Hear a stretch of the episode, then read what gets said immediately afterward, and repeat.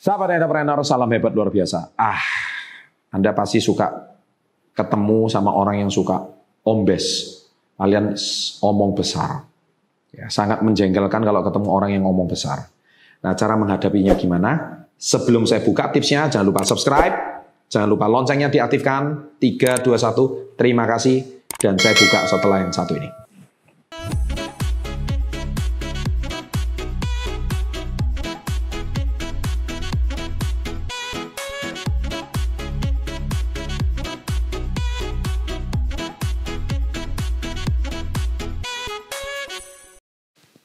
Nah, terima kasih yang sudah subscribe ya dan saya lanjutkan sekarang bagi banyak orang yang omong besar, saya melihat ada beberapa hal yang perlu uh, kita pelajari tentang sifat manusia yang suka ngomong besar ini.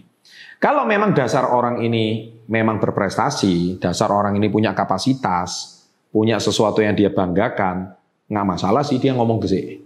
Ya, karena itu hak-hak dia menceritakan, memamerkan yang dia punya itu hak-hak dia, nggak masalah. Cuman cara menghadapi orang seperti itu itu gimana? Kita perlu menghadapi. Saya buka tipsnya kali ini. Nomor satu, orang yang ngomong besar tuh suka dipuji. Nah, itu yang harus kalian lakukan. Nah, jadi kalau muji itu ada dua hukumnya. Jadi tolong ya, dengarkan. Nomor satu, tinggikan nilai barangnya. Jadi contohnya, wih, kamu pakai jam ini ya, keren banget. Wah, ini jamnya pasti mahal dong. Contohnya Anda tahu itu harga jamnya mungkin sejuta, Anda mau ini jangan-jangan ini 5 juta ini contoh. Tinggikan nilai barangnya. Orang kayak gini, oh enggak ini enggak sampai segitulah. Nah, dia juga gengsi dong, mau ngomong harganya cuma sejuta. Memang dia ngomong gede gitu. Nah, tapi nggak apa-apa, tinggikan nilainya. Contohnya, wah ini jamnya kelihatan mahal ini 300 juta contohnya. Wah tinggikan nilainya. Wah ini paling minim 500 ini. Jangan-jangan 1 M ini. Orang senang dipuji kayak gitu. Ah enggak lah, ini biasa aja lah. Ini harganya cuman ya satu mobil niaga lah. Wah contohnya kayak gitu. Nah orang seperti itu memang suka dipuji. Dan Anda nggak perlu jengkel dan marah dengan orang seperti ini. Tapi karena orang ini memang kalau orang berprestasi, tinggikan nilai barangnya. Kedua, kurangkan umurnya. Nah, maksudnya kurangkan umurnya itu apa? Contohnya orang ini kelihatan usia 50. Tapi Anda kurangi umurnya. Saya lihat bapak ini kayaknya umurnya baru 40-an loh. Nah, itu seneng ya. Jangan kebangetan deh. Tapi pastikan Anda harus tahu umur beneran. Jangan Anda ngomong 40-an ternyata umurnya baru 35. Matilah. Jadi artinya umurnya kelihatan lebih tinggi. Nah, kalau ini tips ya. Jadi bagaimana menghadapi orang yang suka dipuji, orang yang omong besar tapi memang ada prestasinya. Jadi pastikan Anda tahu dulu umur. Search dulu di Google. Kira-kira orang ini siapa, usianya berapa, lahir tahun berapa. Nah, Anda kurangi umurnya. Uh, bapak ini awet muda banget loh. Ibu ini awet muda banget loh. Oh, enggak lah. Coba coba tebak usia saya berapa. Wah, misalkan dia ngomong kayak gitu. Oh, usia saya ini kayaknya ibu ini baru 37. Wah, dia dengan bangga. Saya ini udah kepala lima loh. Waduh, bu nggak nyangka ibu ini ternyata awet muda banget. Nah, tapi cara bicaranya itu yang elegan. Jangan cara bicaranya kayak orang kampungan. Maksudnya kampungan itu Ibu awet muda amat. Itu kan kelihatan kalau Anda menjilat. Tapi cukup bicara yang dia kurangkan nilainya satu kalimat, uh, kurangkan umurnya sama tinggikan nilai barangnya. That's it. Karena orang seperti itu minimal dia akan senang dengan Anda. Nomor dua, jangan memotong pembicaraan dia. Orang yang suka omong besar tuh memang suka bicara. Wow, jangan sesekali potong pembicaraan. Dengerin aja. Dengerin dia, oh betul pak.